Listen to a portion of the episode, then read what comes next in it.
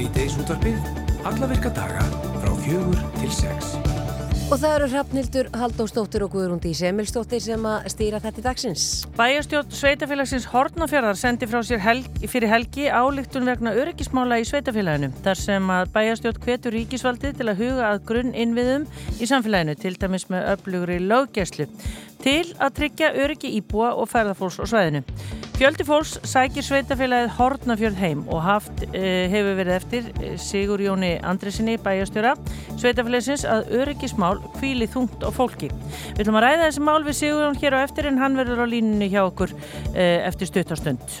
Fyrir skemstu þá sáum við fréttasefnis að 26 ára gömul kona Susan eh, Saunders sem að á íslenskan föður og ástralska móður eh, fái ekki dvalaleifi á Íslandi.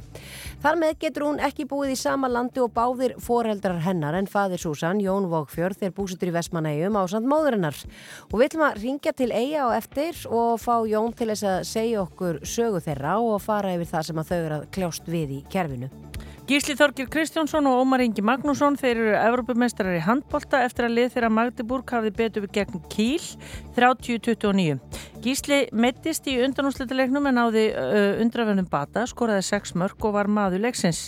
Þorkell Gunnar Sigurbjörnsson, íþróttafrættamöður, hann hafði sambandi við Gísla Þorgir á Zoom fyrir í dag og við heyrðum aðeins brotuð í frettum áðan en við ætlum að heyra aðeins lengri útgáfu hér í þættinum í dag. Í dag er 19. júni og uh, það er hverjandadagurinn á Íslandi og þá því fagnað að konur á Íslandi 40 ára eldri fengu kostningarætt þennan dag og kjörgengi til alþingis árið 1915. Hverjandafélagið fagnar í dag með útgáfu ásriðt sem að kemur út nú í ár í 70. og annarsinn og í ár er líkaminn þema dagsins og Tatjana Latinovic formaður hverjandafélagsins, hún ætlar að koma til okkar á eftir og segja okkur frá félaginu, deginum og ímsu uh, fleiru sem að tengist hvernefninda barátun. Við ætlum að fjalla um klassíkinu okkar síðan í síðari þættunum en Guðni Tómasson, annar umsjónamanna, hann ætlar að koma til okkar. Klassíkinu okkar eru árlegir tónleikar Sinfoníljóðstar Íslands sem að marka upphafið að nýju menningavetri og sem fyrir þá fær þjóðin að hlutast til um efniskrána. Og Veislan fer fram 1. september næstkomandi og verður í beitni útsöndug og rúf og við ætlum aðeins að heyra þessu fyrirkomulagi þar sem að þið, hlustöndugoður, geti tekið þátt í Veislunni. Algjörlega. En við ætlum að byrja þessu. Í dag verða haldinn friðsamleg og þögul setu mótmæli við Báld Kvalls áf í, í Reykjavíkur höfn. Valgjörur Átundóttir er formaður samtaka grænkjera og eitt skipilegenda þessara mótmæla og hún er á línni. Kontur sæl og blessu Valgjörur. Já, sæl. Eh, hverju eru þið nákvæmlega að fara að mótmæla Valgjörur? Sko það náttúrulega kom í dag út álit fæðuráðsum dýravelferð uh, sem að Svandi Sváðstóttir matvalar á þeirra og MAST er búið að vera býð eftir og hafa ítrekka sagt að þau eru býð eftir þessu áliti til þess að geta aðhast frekar. Nú er það komið út og þar stendur skýrt að hval veiði aðferði þær sem að hvalur HF stunda er brot á lögum um velferð dýra.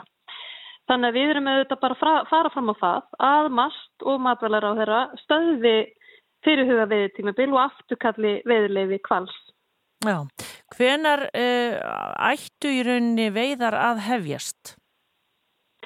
Já, Kristján Loftsson hefur gefið út að þeir muni fara á veiðar núna á miðugudaginn 2001 og þeir eru í óðan að gera bátana tilbúna og þess vegna ætlum við að fara niður á Reykjavíkurhöfn og bara já, fylgjast með því og láta vita af okkur að, að við erum með þann og við munum ekki hætta mótmæla fyrir en að það er búið að banna kvalveðis. Mm. Og þið ætli að hafa þetta svona, hvað, þögul setu mótmæli, hvernig, hvernig fer þetta fram? Já, við erum í rauninu búin að segja allt sem segja þarf og teljum okkur ekki þurfa að halda neina ræður eða, eða vera með meiri læti. Við ætlum bara að koma þarna og við ætlum bara að setjast. Það vita allir í hvaða tilgangi það er og þetta er svona að eh, fyrirmynd eh, erlendri sem að kallast bearing witness. Að bara bera vittni um það að þarna er eitthvað rámt á segði þeir eru að fara að fremja lögbrott og við erum að mótmæla því sem almennir borgarar og viljum að, að þetta sé stöða Já, Valgjöru fyrir þá sem að vilja uh, vera með ykkur að í dag, hvar og hvenar ætlaði að hittast? Herði við ætlum að hittast kortir í fimm við þarna sölubásana hjá eldingu og hinnum kvalaskoðuna fyrirtækjum og lappa að Reykjavíkur höfn þar sem að, eða að, að höfninni þar sem að kvalur 8 og 9 eru stattir núna klukkan 5 og við verðum eitthvað framöftið þannig að þó fólk mæti ekki akkurat 5 þá má það bara koma þegar það getur og, og vera með okkur. Og við munum bara sitja þarna og bera vittni og, og þetta verður bara eins og öll okkar mótmæli, friðsamlega mót, mótmæli. Valgerður Átundóttir, formaður samtaka grænkjera og eitt skipilegin til þessara mótmæla, bara takk fyrir að vera á línni hjá okkur. Já, takk sem leiðis.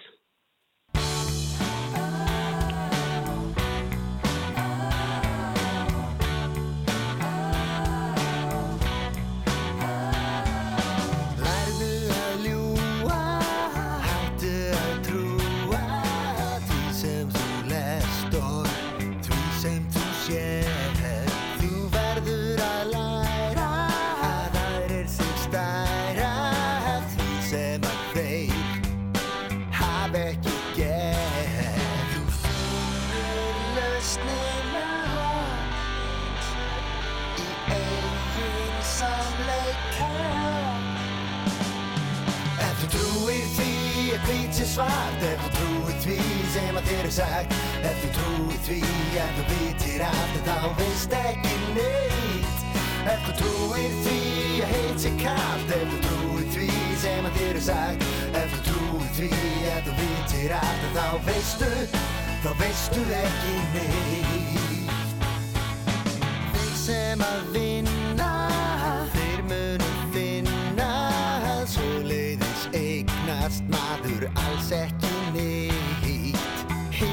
sem smjúa Svíkja og ljúa Leitogar lífs okkar heilagir menn. Þú fyrir lausnina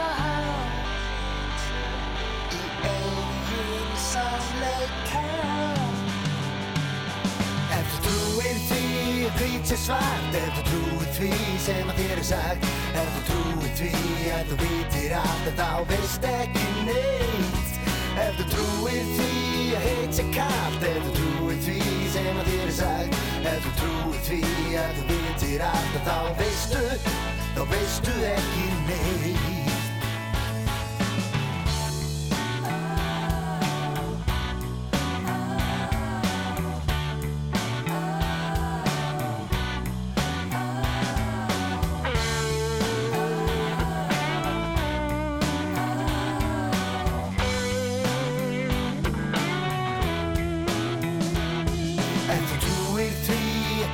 svart. Ef þú trúir því sem að þér er sagt? Ef þú trúir því að þú vitir allt En þá veist ekki neitt? Ef þú trúir því heit sé kallt Ef þú trúir því sem að þér er sagt? Ef þú trúir því að þú vitir allt En þá veist ekki neitt? Ef þú trúir því að hvít sé svart? Ef þú trúir því sem að þér er sagt? Ef þú trúir því að þú vitir allt En þá veist ekki neitt Ef þú trúir því? Að heit sé kallt Ef þú trúir því sem að þér er sagt? Ef þú trúir því að þú vitir allt En þá veistu, þá veist að þú veist ekki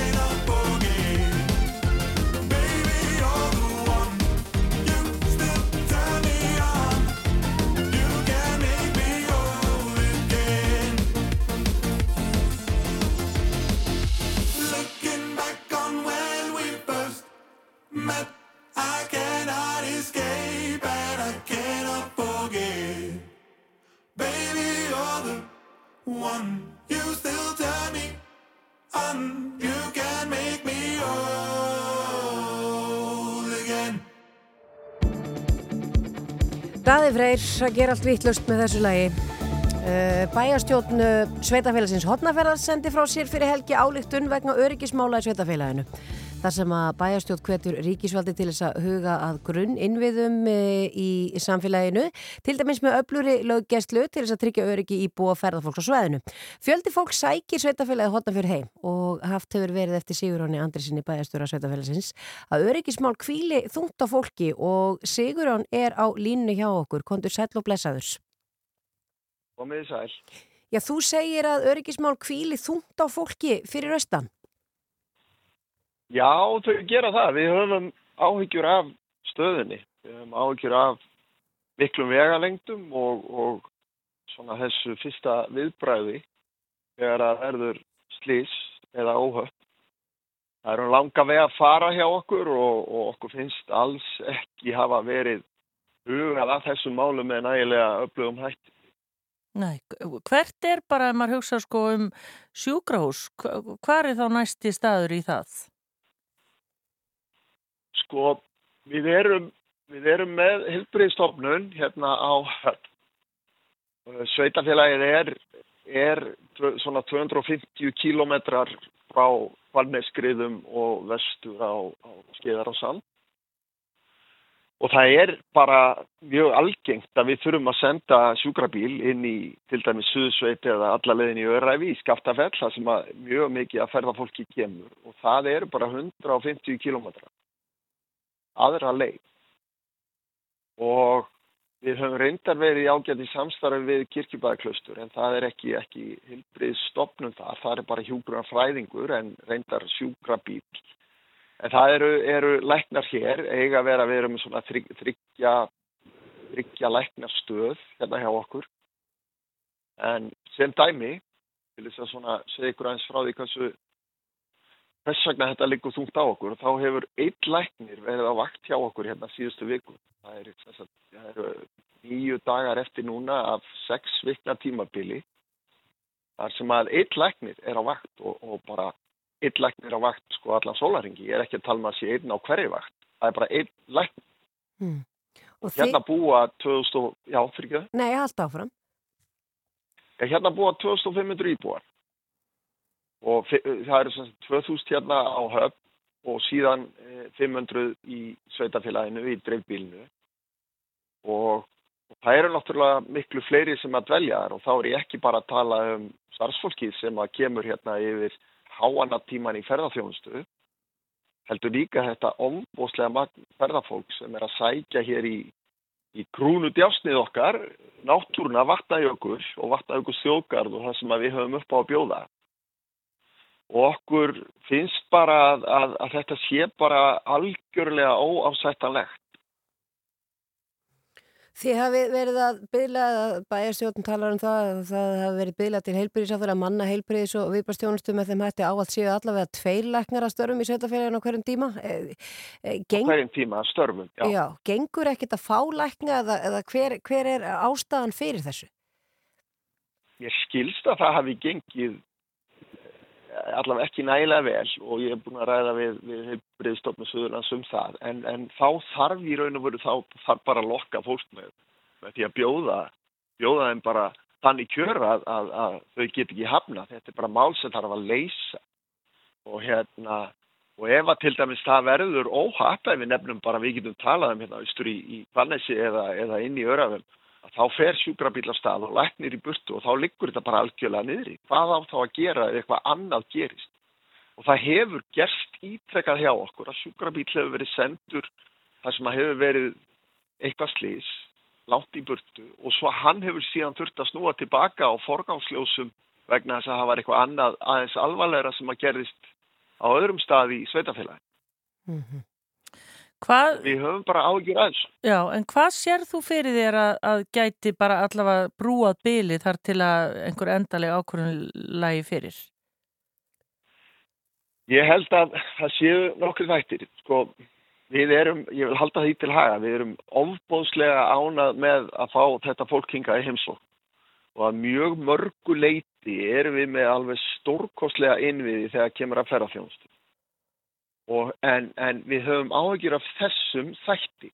Eitt af því sem hægt væri að gera strax væri að fara svipaða leið og gert hefur verið á þingvöllum. Það sem að það er yfir daginn að þá er bráða eh, sagt viðbragð aðili sem er þjálfaður í bráða viðbræði, hann er bara staðsettur yfir daginn á þingvöllum og þetta er eitthvað sem að eitthvað sem var bara sami við, við heilbriðstoflu Suðurlandsum og það er bara fjármagna þá með, með gjaldtöku á, á þingvöllum og það mætti fá slíkan aðila í, til dæmis í Freisnes eða, eða Skaftafell og hafa hann þar. Við erum með fjóðgasverði, við erum með mikið af ferðarfjónustæðalum, við erum með, við fáum hér í sumar svo kallega lálendisvakt frá landsbjörgum og við erum með mjög öfluga björgunarsveit þar en við erum bara stundum að fá slisa sem um er að ræða svona eh, háorku áverka. Þetta er mjög mikið af, af náttúrulega smerri slísum sem að tengjast á gönguleiðum og slíku en það eru líka bara alvarleg bílslís og það er alveg ófært að ætla sér að senda björgunarsveitar aðila í, í slík óhöfn og slís. Það er af allt öðrum toga svo er alveg bara óhjákvæmilegt fyrir okkur að fara að skoða að hafa hjúgruna fræðing staðsettan í öræfum. Það er bara, bara nöðsynlegt árið um kring. Þetta er orðið svo stórt samfélag. Þannig að það er þetta tvent sem að maður vill, vill hérna gera svona fyrst í svipin en, en við, það er ímislegt sem við erum líka ánað með. Við erum ánað með að lauruglan á Suðurlandi er að manna í, í öræfum og Suðursveit núna tvær vaktir af þrem á hverjum sólaring og það skiptir máli. Þannig að þetta er svona, við erum að fara hænufett en, en það þarf bara meira til og þessir innviðir hafa bara ekki verið að byggjast upp með e, þessum aukna og, og stórkoslega aukna ferðarfjöldar. Og eins Það og, að segja fjölda ferðarfólks. og eins og þú segir, Sigur Ánni, ykkur er ekki bara umhugað um náttúrulega, já, bara að sé hlúða þessum ferðafólki ef að það lendir í slísi, heldur er fólk þá væntarlega óurugt og hrætt vegna þess að það uh, læknar eða hjúgrunafólk er þá í þeim verkefnum og er þá ekki neitna sinna þjónustu í, í, já, fyrir bara sveitungana. Það er alveg hárætt hjá þér og ég hef svo sem litlu við þín orða bæta þar. Þetta er bara rétt og hérna og, og, en, en, en ég sé þetta ekki sem sko, þetta er ekki þannig að mér finnist hérna að vera allt og mikið að ferða fólki og við getum ekki tekið á móti og eigum að fara að takmarka. Ég lít bara á þetta sem verkefni sem þarf bara að, að einn henda sér í og þetta er alls ekki óyfirstíganlegt en, en á meðan að við erum að, að bjóða svona mikið af fólki hingað að þá verðum við að taka líka tillit til þessa. Það eru fjölmarga lausni þar. Við erum til dæmis ég nú í stjórn vatnaugust þjóðgars líka og ein, ein, eitt sem við erum að gera þar að við erum að hefja gjaldtöku við aukusalón til þess að, að geta í raun og veru byggt upp hraðar. Við erum að byrja að taka gjald af þessum ísellaferðum og þegar ég er að tala um aukusalón og ísellaferðið er að hugsið ykkur að að bara í mæ á þessu ári þá komu tæplega 100.000 manns í Jökulsálum. 100.000 manns Wow. bara í mæ á 31 degi. Og hérna búa 2500 manns og á hverju einustu nóttu í hotnafyrði sofa jafnmargir einstaklingar á hótelum og gististöðum og allir íbúa sveitafélagsins. Og þá er ég ekkert byrjaðar að telja alla þessum sem koma bara og snúa svo við eða keiri í gegn eða gist í tjöldum eða ferðavögnum og slíkur. Þannig að það verður að gefa svo göðum og ég er alveg viss um það að, að við erum ekki eina sveitafélagið sem að svona er, er, er ástatt með.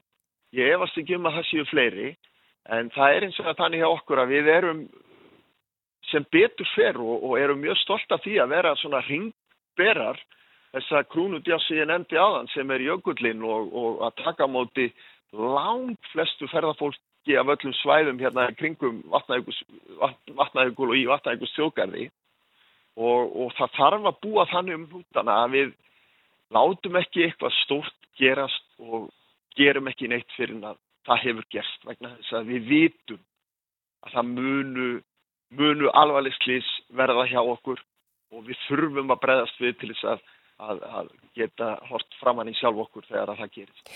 Bæjastöð sendi frá sig þessu áriðtum fyrir helgi, hafið þið fengið einhver viðbröð frá, já bara stjórnvaldum?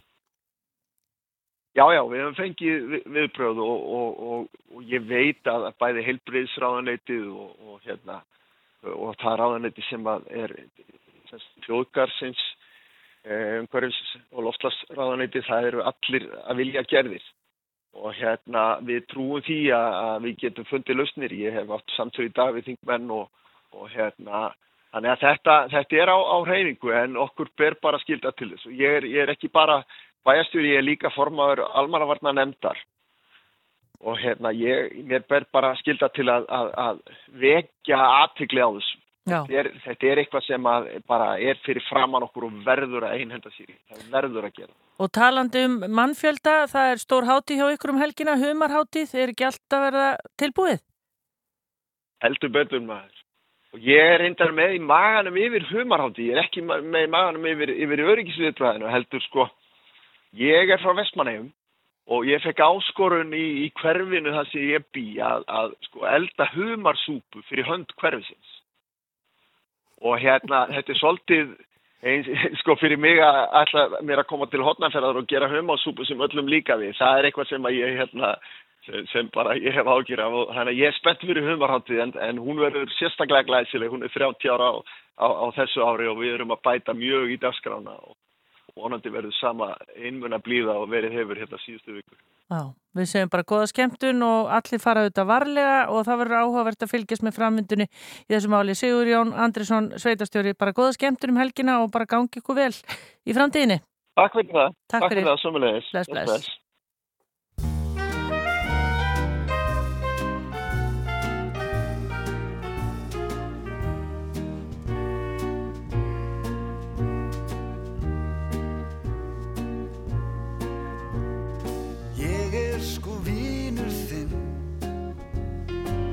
Lámesti vínur þinn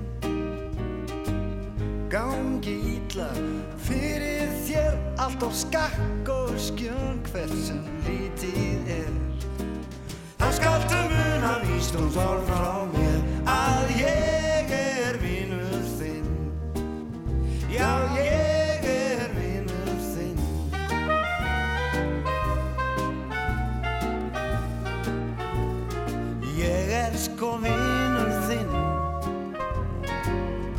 Lámbesti vinur þinn. Mér leiðist margt sama segi ég. Já, tilveran er ekki alltaf dásamleg.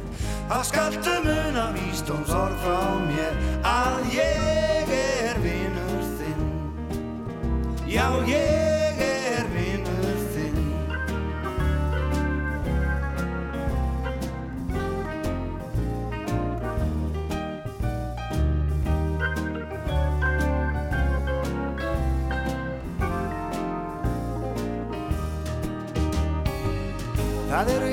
ímsir vafalaus greindar en ég er líkastar en ég kannski.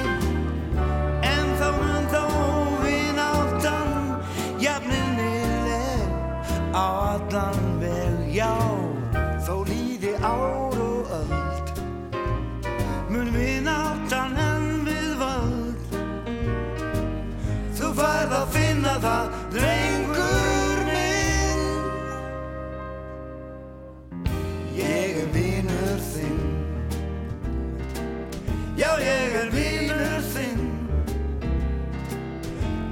besti vinnur þinn.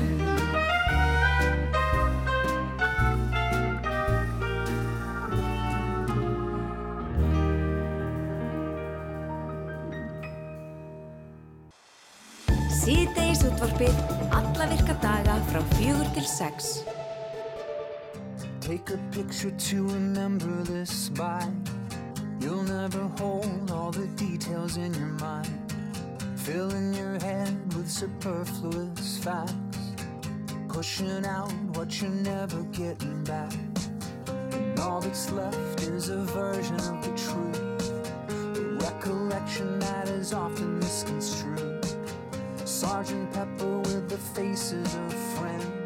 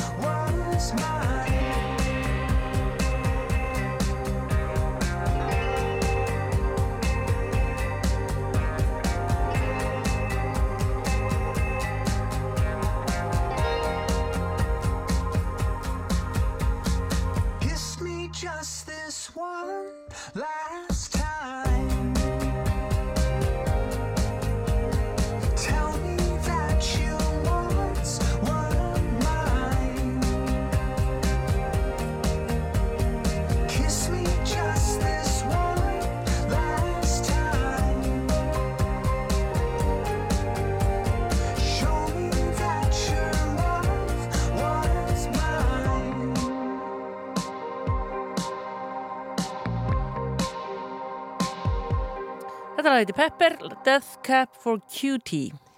Fyrir helgi þá sáum við fréttasefnis að 26 ára gömul kona, Susan Saunders, sem á íslenskan föður og ástralska móður fær ekki dvalarleifi á Íslandi.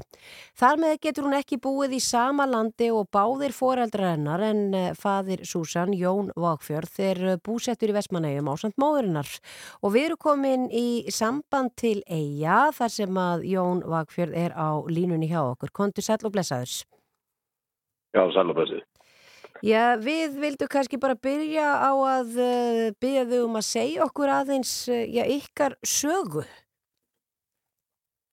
Já, það bara, já, hún byrja bara þannig að dóttir mín ákvaður að koma hérna til, í heimsók til okkar í, í hérna mæ í, í fyrra og, og eftir að vera hérna í, í já, rúma mánuð þá hérna svona fórum við að tala um hvernig henni líður og hvernig henni finnst þetta og henni leist mjög vel á Ísland og við og langaði að vera hérna lengur. Þannig að við ákvaðum að hafa samband við útlendingastofu og fengum sva- ráðgjöf um hvernig við ættum að snúa okkur að þessu og, og ráðgjöf var uh, svo að uh, fljótast að uh, leiðin væri þá fyrir okkur að sækja um dvalarleifi samkvæmt í bæði sérstakar kringustæður út af saminningu fjölskyttu og skortur og, og, og atvinnu.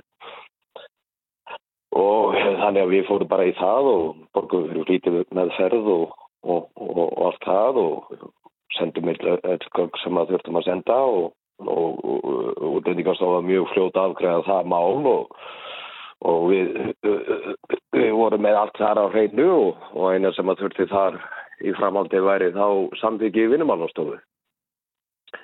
En vinnumálastofa hún leit ekki á, á þetta sem umsókn vegna saminningu fjölskyldu heldur bara sem skortur á atvinnuleifi. Þó að svo hafi verið ítrekkað ofta að þetta væri einnig vegna saminningu fjölskyldu, sérstaklega skringustæður að, að hún vildi vera í landinu. Já. Og, og ég eh, var búin að, redda því að hún myndi fá atvinnu um leið og, og þessi pappir myndi fara í gegn og, og, ég fekk þá til að skrifa undir og senda þeim e-mailum um það að, að jú, þeim vantaði starffólk og höfðu við fengið fólk frá vinnumálastofu þar sem þetta fór í gegnum að fá starfsfólk í gegnum ESB og, og Evróska efnaðsvæðisins og jú, jú, það kom fólk en það tólti enginn í vinnu þannig að vinnu í fiski það er ekki fyrir allavist en, en það uh, bara uh, hafa dreyja vendana og, og ég reyndi að vera í sambandi við þá líka hjá vinnumálastofu um þetta og og en þá fengum við sinjun og, og þá var sendir inn fleiri papírar og, og, og sen fengum við aftur sinjun og þá var bara komið að því að við vorum að nálgast 90 dagana innan, innan sjangansvæðisins og ég var byrjar að leita með svara frá þá útlendingarstofu um að fá, hvort að hún megi vera hérna áfram á meðan umsóknin stóð eða hvort að við, hún þurfti bara að yfirgefa landið og og, og, og sumsveri voru já, ég held það veit það ekki og alls ekki. Þetta eru svörin sem við fengum frá starffólki útlendingarstofu sem að þá að ég veit núna vissi ekki alveg betur um þetta en ég indi nú að hafa samband við uh, sérfræðing hjá útlendingarstofu en það tók tíma að fá svar frá þeim Uh, það var, var ekki þetta að fá síma tíma en eitt, það verður alltaf að fara í gegnum netið og e-mail og, og vegna COVID ástands og annað þá, þá ja, það var allavega sagt á vefinum og e-mailum sem ég fekk tilbaka að þetta geti tekið uh, já tíu daga að fá svarin en þá myndi það því að 90 dagarnir voru runnir upp mm. þannig að við, við, ég fór þá með dóttir mína til Englands til að býða frekar í svara en já það, við fengum ekki þar. En Jón, bara, Já. hún er sem sagt, uh, þið voru búsett í Ástralíu, þannig að hún er fætt í Ástralíu eða hvað? Já, hún er fætt í Ástralíu. Ég, ég kynnti smóður hennar þarna, já, 93, lokals 93 og kynntist við og, og, og, og þreymar árum setna þá kom, kom hún í heiminn. Mm. Þannig að þetta, hvar stendur þá máli núna? Já, máli núna stendur bara í því að ég verða að, að finna bara aðra leiðar en að fá hana til að fá hana heim og, og það bara er, er leið sem að tekur lengri tíma og það er þá sérstaklega kringustæður út af tengslu við landið, sem sagt fjölskytta. Mm -hmm. og við verðum bara, bara að fara á þá leið sem að getur tekið allt upp að ári ef að leifið fer í gegn. Já, þannig að Súsan á þá í rauninni ykkur bæði hér að, móður og föður og uh, stórfjölskyldu en er í rauninni Já. kannski aldrei eina báti þá í Ástralíu á, á meðan á þessu stendur? Já, já, hún er, hún er já, á skildfólk þar líka en, en en ekki einn stórt og þau eru svona svolítið við og dreif hann innan við Wales fylki en uh, síðan er hún núna komin í mjög góð atvinnu, vinna í námum í, í Queensland fylki og, og er bara sátt hannig séð en vil enn þá samt koma til Íslands. Mm -hmm. Hvað hérna, já þið væntalega verði aðeins að halda áfram með þessa baróttu eða hvað? Já, já og ég hef nú fengið síðan að greinin kom út uh, í síðustu viku þá hef ég nú fengið mjög margar og góðar ábendingar um, um ákvæðnar hluti uh, um hvað ég á að leita og hva, hvernig ég að fara að þessu uh, bara sem að fólk hefur í, í þeirri stöður sem að lögfræðingur annar hafa, hafa, hafa samband við mig og gefur mér svona bara ókipist ráð má segja og síðan er annar vinnu minn hérna í, í Vestmannegjum sem að er búin að vera eh, að, að gera svona svipaða hluti og ég af þessu eh, eh, stjúpsónur hans sko. Og hann er búin að koma mér í, í samband við lögfræðing upp á hvert við eigum að snúa og hvað er best að gera. Já. Þannig að við, við, þetta, þetta er svolítið, eins og ég segi, þetta er svolítið súrt að, að skipti máli að ég skuli vera fæðarinnar en ekki móðurinn en ég menna, ég, ég er vissum að þetta þetta eh, rætist fyrir rest held ég sko og við finnum eitthvað út úr þessu. Já, við vonum það Já. Eh, Jón og Fjörð við fáum að fylgjast áfram með þessu máli. Bara takk kærlega fyrir að segja okkur frá þessu og gangi ykkur vel í þessari baróttu að fá Susan Saunders hingað heim. Já, takk að kærlega fyrir það.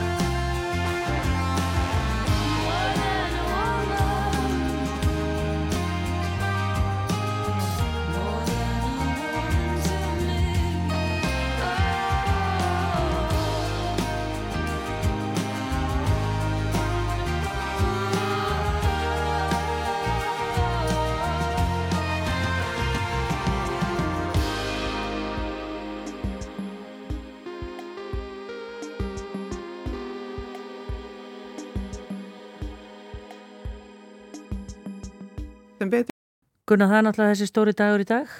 19. júni. Já. Já. Þetta er merkistagur því að þetta eru auðvitað kvenritindadagurinn á Íslandi og þá er því fagnað að konur á Íslandi 40 ára og eldri fengu kostingarétt þennan dag og kjörgengi til alþykis árið 1915. Og það eru auðvitað fagnað á ýmsum vikstöðum í dag, það kemur út ársrit kvenritindafélagsins í 70. annarsinn og uh, í ár er líkaminn þema bæði dagsins og, og reytsins og hún er komin yngar á Tatjana Latinovic sem er formaður kvefnréttindafélagsins velkomin í sýtiðsúttarpi og til hamingi með daginn. Takk sem er leiðis. Af hverju hérna líkaminn, segðu okkur aðeins af því, hvað, hvað hérna allir því að þið veldu þetta þema? Já, 19. júni bladið ársrit er sennilegt með elstu blöðum á landinu og við höfum verið að gefa þetta út kvefnréttindafélagi Íslands í, í mörg ár og Uh, það er ekki alltaf að við séum með ákveðin þema, þetta er auðvitað feminist blad, þannig að þema er jafnbrytti og feminismi, en í ár fannst okkur, endur nokkur ár, fannst okkur svo mikilvægt að við fjöllum um líkama, líkama hvenna í viðari skilningi. Uh, uh, og hvernig svona jafnbryttisbáróta eða ójafnbrytti í heiminum svona brist alltaf einhvern veginn í, yfir líkum hvenna. Það er einn bladakonna sem ég núna man ekki, hún heitir segja líka maður hvenna eru vigvöllur. Við vitum það að, að, að hvernig það er í stríðshrjóðum löndum eða í átökum.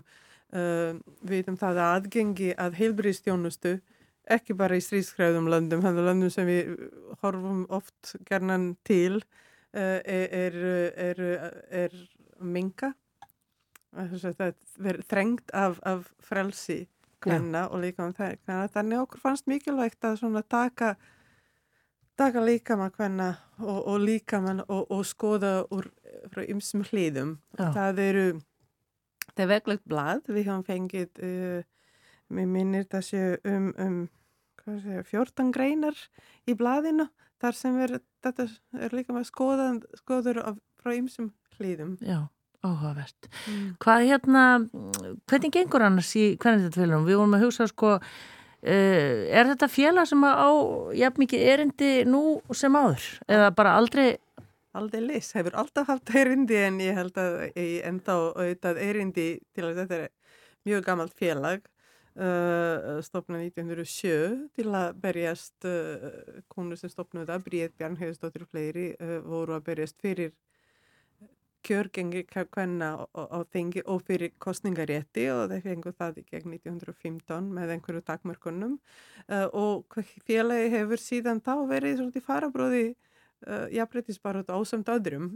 Þetta er ekki málefni eins félags en, en hvernig þetta félagi í dag á bara mikið erindi til, a, til að svona tala fyrir og berjast áfram fyrir uh, jafnbryti allra kynja og það veitir ekki af hér á landit og að uh, við, uh, heimurinn horfir til Íslands sem einhver svona jafnbrytisparadísar uh, að við að staðan hér er vissulega betri heldur enn í mörgum öðrum landum en, en það sýtja ekki öll kín og allar konu við sama borð á Íslandi heldur Nei. þannig að ég held að það sé bara mjög mikilvægt að við svona skoðum jafnbrytti og, og aðgang af samfélaginu og, og hverjum tíma eru, eru allir, eru, erum við öll, sýtum við öll við sama borð. Já, hvernig, er, hvernig er þín upplifin á því að eru ungar konur öttulega að berjast fyrir hverjandundum í dag? Það er svolítið, það er svolítið breytt hjá okkur í félagin og ég held að við náum alveg til ungra, kvenna líka og þetta er, eru margir um, uh, margar konur og, og bara kallar líka að, að, að taka sumum hlutum sem sjálfsögum hlut sem betur fer að því það hefur ánist og svakalega mikið og þess vegna finnst okkur líka gott stundum að rifja upp að hverju hluti eru betri hér á landi heldur en öðrum landu þetta er auðvitað bara að þakka kynnslöðum fólk sem, sem hefur barist fyrir, fyrir jafnbretti en, en þannig að ég veit ekki ég, við, við viljum auðvitað fræða fólk meira að minna, minna fólk á en líka held ég bara að ungt fólk í dag sé kannski næmari fyrir misrætti heldur en áður. Já. ég hef þetta á tilfinningu. Og lætur síður bjóða sér misrætti lætur bjóða sér og, og, og vil mér líka bara sína samkend Já Einmitt. En hvað hérna svona dagstaglega, ég meina hvað er kvenritindafélagið svona vinna að? Við erum, uh, við erum fyrst og fremst að beita okkur fyrir svo lobbya, svo við segjum á góður íslensku. Við skrifum, fylgjumst með lögjöfinni, skrifum umsagnir um, um uh, frumvörp frumur til laga og skoðum þetta alltaf með þessum kynjagleiraugum uh, uh, berjumst fyrir ákveðnum uh, uh, ré, uh, ré, auknum réttindum uh, allra hvernig skrifum álíktanir, skrifum greinar uh, stundum fyrir málstofu, málþingum ásamt öðrum uh, um, um ímismálefni höldum mjög veglegt kynjating sem er, höfum við haldið síðan 2018 mist meinu sinni út á COVID en eh, heldum núna í, í sjöta skipti þar sem við bjóðum þetta er svona vettfangur þar sem uh, fólk sem vinnur í græsrútinni eða lætur sér jafnbreytti varða getur komið og, og hlustað áhugaverð erindi tengst saman og, og uppur tvís bretta svona skemmtileg samstarf, samstarf og, og, og svona einhver drón Já, ummitt. Þetta blað, hvar getur fólk nálgast blaðið? Það er uh, sendt til félaga, þannig ég hvet alla að skrá sig í félagið hvern, uh, hvernrindar, uh, og heimasögðu okkar hvernrindarfélag.is og, og, og, og þá er, sendum við þetta heim eða fólk getur bara haft samband við hvernrindarfélag á postur hvernrindarfélag.is og við sendum blaðið. Já. Veistu hvað eru margi félagsmenn? Uh, Þetta eru svona rúm 700. Já, það er Rúm 700 Það er og við viljum hópur. að þetta bara hafa fleiri og, Einmitt. og, og, og, og félagar hafa, hafa taka virk, geta tekið virkan þátt í félagin og, og, og, og haft áhrif á málefni sem við vinnum að. Já, það er, við ætlum að hleypa það núna út, það er partí, hver ætlaði að halda, halda upp á daginn? Við ætlum að skála fyrir konum uh, og öllu sem við höfum, konur hafa áurkaði gegnum tíðin og plottat smá um framtíðina á uh, uh, Holmaslöð 6, uh, Lady Brewery er okkar samstarfstæðili til nokkra ára á 19. júni þegar ætlaði að bjóða upp á uh, happy hour verð á, á kvennabjór. Þannig að þetta verður á milli 5 og 7 uh, Gran- að Granda vestur í bæ. Já. Hvetjum bara sem flesta til þess að mæta. Happy hour verða á kvenna bjór get bjór sem heitir hvað, Guðrún? Guðrún, já, það eru fleiri bjóri, ég bara þekki ekki, en þær, þær eru mjög upplugar Já. um, hvenna, uh, Lady Brewery Lady Brewery. Það ljóma vel framhildur. Já, sérstaklega á þessum degi og. En Tatjana Latinovic, formaður Kvennitindarfélags Íslands, takk fyrir komuna og enn og aftur til hamingi með daginn. Takk fyrir. Uh, nei, í rauninu ekki. Bara fyrir fjóru vikum þá ég þá greiningu að, hérna, að, að talusinn, sem sagt, bein í fætinu væri brotið hjá mér og ég var sem sagt í svona, svona fæti eða svona hálfgjör gifsi sem ég gæti gengið í og ég var að reyna að gera kláran allt sem ég geti gert til þess að geta tekið þátt í þessu Final Four síðan of stað síðan einhvern veginn kom Barcelona-leikurinn og þá náttúrulega dætti ég úr þessum axlarlið og já. Hvernig var upplifunin af þessum Barcelona-leik, fyrst að þú minnist á hann? Bara mögnuð sko og auðvitað skerruleg. Af því að við náttúrulega unnum leikinn og ég einhvern veginn var fyrir aftan markið og sá, sá okkur stráka, strákuna sigla þessu heim. Mér finnst það svo ógeðslega flott hvað þið náðu að gera þetta og bara svona stilla sér saman og bara svona hvernig þið fjöppust og hvað þið sýndu mikið styrk. Aftur á móti náttúrulega var þetta líka fárlega leiðilegt fyrir mig af því að ég lána á gólfinu með öxlina með öxlina einhvern veginn ekki í lið og ég bara einhvern veginn vissi ekki alveg bara hvert þetta væri að fara að stefna sko, þessi ferill sko í satt að segja. Og ég einhvern veginn svona bara hvernig myndi að fara núna einhvern veginn þetta skiptið? Síðan einhvern veginn kom læknirinn inn á hérna völlin sem sagt hérna hjá okkur og hann hann náða kippin alveg svakalega vel í liðin og það er nefnilega alveg mjög mikilvægt hvernig maður kippir svona í lið sko, að allt brotning í kring. Og sem betur fer, ég líka var meðvitaðalaus, ég misti meðvitað á, á gólfinu í hérna, hérna múti í Barcelona. Og það einhvern veginn þurfti veginn að vekja mig og, og Magnús Sákstrup já, og hjálpaði mér bara við að ná aftur meðvitund og sem hjálpaði mér þannig sé líka við að kippa öxlin aftur liðin að maður þarf að vera alveg slakur og ég vissi það líka að því að hjálpar alls ekki til að streytast á móti og þá myndi bara ennþá allt brotna ennþá meiri í axlinni en, en hérna, já, bara sem betur fyrir hóstað. Var auðvelt ákvörðin að spila svo leikinn þá á móti Kjelsið í gerð, úrslita leikinn? Já, eiginlega, að, því leytinu til að sko um að reyna geta alltaf að tekið þátt. Að ég ætla að gera bara svona, ég myndi reyna allt og þá get ég sagt í sjálfum eftir að ok, þetta var bara ekki séns. Af því að sko, veist, það var helviti vond að kasta og meir sér á úslitareiknum í gær, þá var ég um tíu leitið bara einhverstöru, einhverstöru lengst í burtu frá höllinni og fór, fundum einhverja, einhverja höll til þess að æfa mig að kasta og sjá hvernig öxli væri. Og það var helviti sásökavöld og ég kastaði náttúrulega bara eins og líka um kvöldið og kastaði bara eins, og eins og einhver risaðala sko af því að ég náði bara ekki að fara með öxlina yfir 90 gráður og ja, að ég fór með henni yfir 90 gráður þá náttúrulega bara var það ógeðslega vond en ég náði einhvern veginn að að læknanir og allt staffi náði einhvern veginn að hamla henn að sásöka og já, ég einhvern veginn bara veit ekki alveg bara tók þetta líka á adrenalínunu og einhvern veginn ákveðinni geðu ekki sko, satt að segja. En hvernig upplifun var það þá að ná að vinna þennan leik, vinna þá meistaratildina núna í fyrsta sinn og, og, og síðan þessi einstaklingsverðlun að vera valin verðmættasti leikmaður helgarinnar í óanaleg? ég held að hafi bara ekki verið móment í mínu lífi þar sem að ég bara ég fundi fyrir svo mikill ánæg bara ég ég aldrei farið að svona grenja úr glið einhvern veginn eftir leiki einhvern veginn þarna bara bara gissar að fossaðist allt út og þetta var bara svo það var bara svo fallið tilfinning, satt að segja Þú ert svona fyllilega meðvitaður um það, strax núna að, eftir einhver ár þegar ferlunum verður lokið og þú lítur tilbaka að þetta verður svona einn af þessum hápunktum á ferlunum, þessi, þessi helgi. Já, 100% sko þetta er eitthvað sem við erum aldrei tekið frá okkur sem við erum aldrei tekið frá mér og þessi ákvörðun hjá mér um að taka þátt í þessum leik af því að það þurfti að taka ákvörðun 11.30 sama dag og úrslutaleikurinn var um hvort ég gæti spilað yfir höfuð þá þurfti að sagt, tilkynna hópin þess vegna þurfti ég að fara og testa öxlina ég sé enga veginn eftir þeirra ákvörðun í dag að, að, að hafa tekið það ákvörðun að bara kýla á þetta og bara segja í rauninni afsækja óbröði, bara svona fuck it sko Hvað gerist hjá þau núna í, í kjálfarið? Þarf það að fara í aðgerð eða hvernig?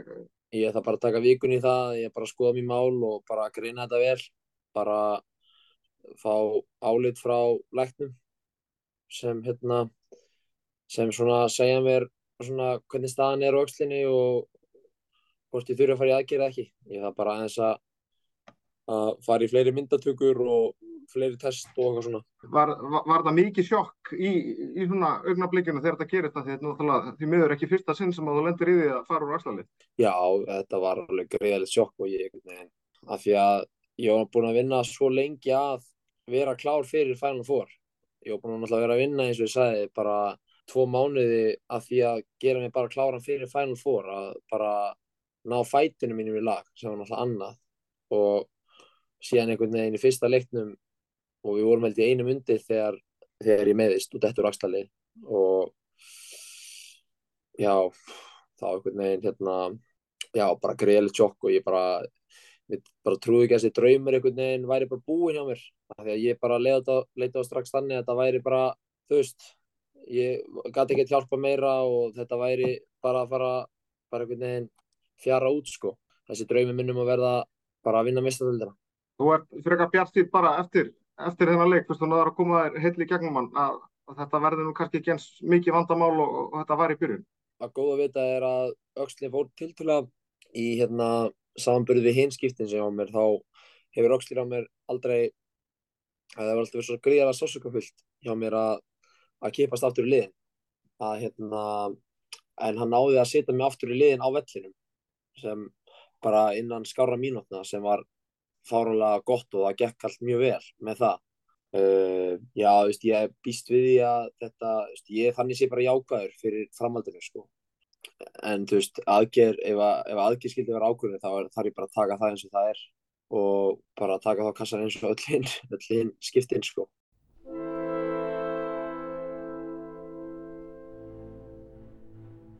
Við ætlum næstu mínúturnar að fjalla um klassíkina okkar uh, en Guðni Tómasson, annar tvekja umsjónum manna er hinga komin. Kondur satt og blessaðu Guðni. Já, takk fyrir að taka á móti mér. Eða að byrja á þessu sem við heyrðum mín í upphafi, þessari tónlist. þessi tónlist sem að hér hljómar undir, hún er klassist tónlist en he- er þekkt, mjög þekkt úr þekktu atriði kvikmyndana. Það var mynd sem að gerð fyrir nokkrum árum sem heitir King's Speech og snýrist um þennan stamandi konung uh, þar sem að hann er að reyna að læra að tala á þess að vera feiminn og, hérna, og ná úr sér talgallanum og það tekst að lokum og heldur dramatíska ræðu undir þessari tónlist. Hugmyndi hjá okkur í klassikin okkar í haust, þetta verður 1. september í beinni útsendingur hörpu eins og venjulega, samstagsverkefni Rúf og Sinfoni Hljónstar Íslands. Hugmyndin er að spila klassiska tónlist úr kvikmyndum en líka kvikmynda tónlist og þetta er tvent ólíkt, það er fullt af klassískri músik sem er notuð inn í inn í frægar kvikmyndir þið munið til dæmis eftir 2001 eftir Stanley Kubrick þar sem að Ríkard Strauss er í byrjun da, da, da, da, da, bum, Einmitt. bum, bum, bum, bum, bum. þetta er hérna mjög það var ekki vel sungið á mér en, en þetta var hérna, er mjög frægt kvikmyndaadriði en líka fræg músik og oft sett í samhengi við já, við kvikmyndina sem þetta byrtist í og það er sama með þessu að þetta, þennan rosalega flotta hægakabla úr, úr sjöndu symfóni Beethoven sem að hér hljómar undir. Hann er svona, það kveiktu margir á honum í þessu atriði. Einmitt. og það sem að er svona já, samkamisleikurinn hjá okkur og Symfóni hljónst Íslands er að fá fólk til þess að velja uppáhalds kvikmynda músikina sína eða atriði sitt með músik undir. Þetta er svona aldrei loðið allt saman það er þetta að fara á rúf.is skástrík klassikin og hafa áhrif á efniskrána sem að verður hjá okkur í haust í september Já. þar sem að Symfóni hljónst Íslands mun koma fram og leika eitthvað af þessari tónlist, klassísku tónlist og kvikmyndatónlist og hérna og frábær hópur listamanna sem er verið svona að setja í starthólunar þessa dagana. Það tekur alltaf um tíma. Já, að, ertu þá að tala um sagt- Já, ertu þá að tala um söngvara líka? Já, af söngurum og einleikurum og, og þetta verður mikil veistla og það þarf að útsetja sumt fyrir hljómsveitina. Þarna verður íslensk tónlist í bland við erlenda þannig að verður einhver íslensk bíómyndaklassik þarna inn á milli. Og þetta tekur allt smá tíma vegna þess að fólk þarf að ná þessu í rétt horf eða já, réttan búning fyrir Sinfóniljónst Íslands Já, og þeir eru búin að taka til já, nokkuð dæmi um það sem fólk má velja á milli. Já, það er alltaf þannig að við, það sem við erum eiginlega að reyna að gera með hérna, þessari kostingu kringum klassikin okkar sem hefur stundum verið, oftast þessi sjö ára eða hvað það er sem að, hérna, við höfum verið með þessi tónleika það er eiginlega að fá af stað umræðu um músík og það tekst alltaf. Hérna, það er alltaf smá læti á, á Facebook og svona um, um það hvort að listin sér rétt upp settur. Það er hins vegar alltaf að benda á það að neðst á þessum lista sem er svona bara hugmyndir uh, er reyturinn annað. Og við viljum endilega fá hugmyndir hérna, þeirra sem hafa skoðanir á tónlist til þess að koma þar fram. Vegna þess að það er aldrei að vita að við höfum glemt einhverju þegar kemur að því síðan að setja saman efniskrána Já. sem er auðvitað í mótun núna en það er bara, þetta er líka svona þetta er svona smá leikur til þess að fá fólk til þess að hugsa um hvar hef ég heyrt þetta hvað hérna, þetta var nú flott atriði með flottir tónlist sem að, sem að um þetta snýst leikurinn hjá okkur mm -hmm. Ljónst Íslands og Rúf Guðni, þetta hefur rauninni bara gengið von framar. Þetta er algjörlega einhvern veginn búið að bara festa sig í hjörtum landsmanna. Já, þetta er rosa gaman sko, Vi, við erum búin að fá að vera með þetta ég og Halla Otni Magnúsdóttir sem kynnar á þessum tónleikum alltaf í upphafi menningarvetrar upphafi september. Þetta er svona smá, orðið smá start undanfarið og já, við gerum þetta allavega tíu sinnum held ég, svo sjáum við til hvað þetta helst lengi. En það er gaman að velta fyrir þessari músík hérna fyrir sér, við skulum fá aðeins annar brot